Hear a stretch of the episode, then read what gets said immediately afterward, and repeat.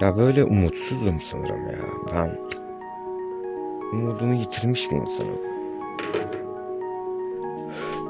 Yani umutsuzum derken eminim yani anladın mı toplumun başarılı diye tanımladığı dışarıdan baktıklarında kalıba gireceğime yani girdiğime hatta ama bu mu?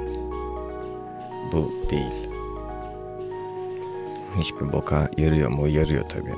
Ama bu değil. Benim sıkıntım başka.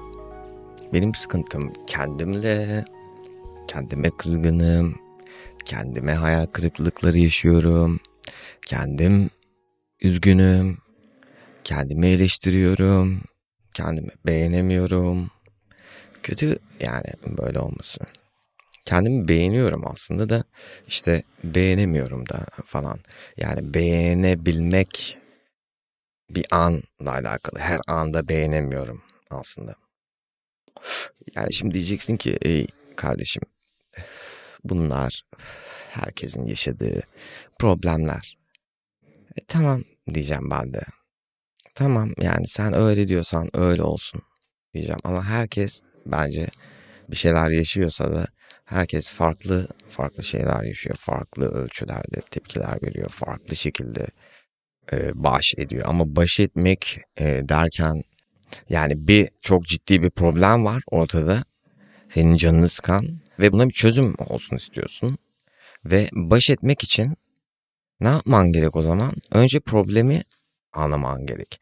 Problemi anladıktan sonra adım atman gerek çözmek için. Ama kendi içinde atman gerek en başta. Kendini kandırmadan önce kendi içinde çözüp yani. Şimdi öbür baş etmek yani kaçmak. Kaçmakla baş etmek ikisi aynı şeyler değil. Ve ben bunu kendim için söylüyorum gerçekten. Çünkü ben de yaşıyorum yani bunu. Anlayış çünkü karşılıklı olay.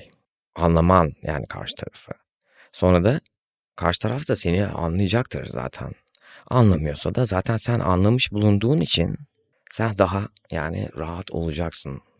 Be kardeşim. Be kardeşim bu ne ya? Bu ne ya? Bıktım. Peki sen dostum, sen bıktın mı kendi kendinden? Çok bıktım, çok bıktım. Hepimiz bıktık aslında. Biz hayattan bıkmışız ya. Bıkmış, bezmişiz yani. O kadar bezmişiz ki geri böyle şey olmuş yani artık immunity belki kazanmışız bazı şeylere karşı. O yüzden insanların Verdikleri bir tepki çok fazla gelebiliyor. Yani diyorsun ki wow. Yani böyle bir şeye nasıl kızdı? Ama bu öyle bir şey mi?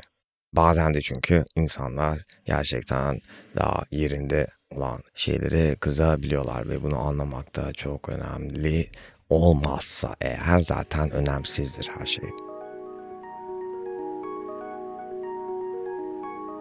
Yani her şeyi bir kategoriye koyduğumu fark ettim. Normalde sanki yani bir davranış biçimi bütün her şey onun içine giriyormuş gibi ama aslında kademe kademe tabii. Her kola giden davranış da kendi içinde farklı kategorilere ayrılıyordur diye düşünüyorum. çünkü aynı olmayan durumları kıyaslamak portakalla elmayı kıyaslamak gibi bir şey bence.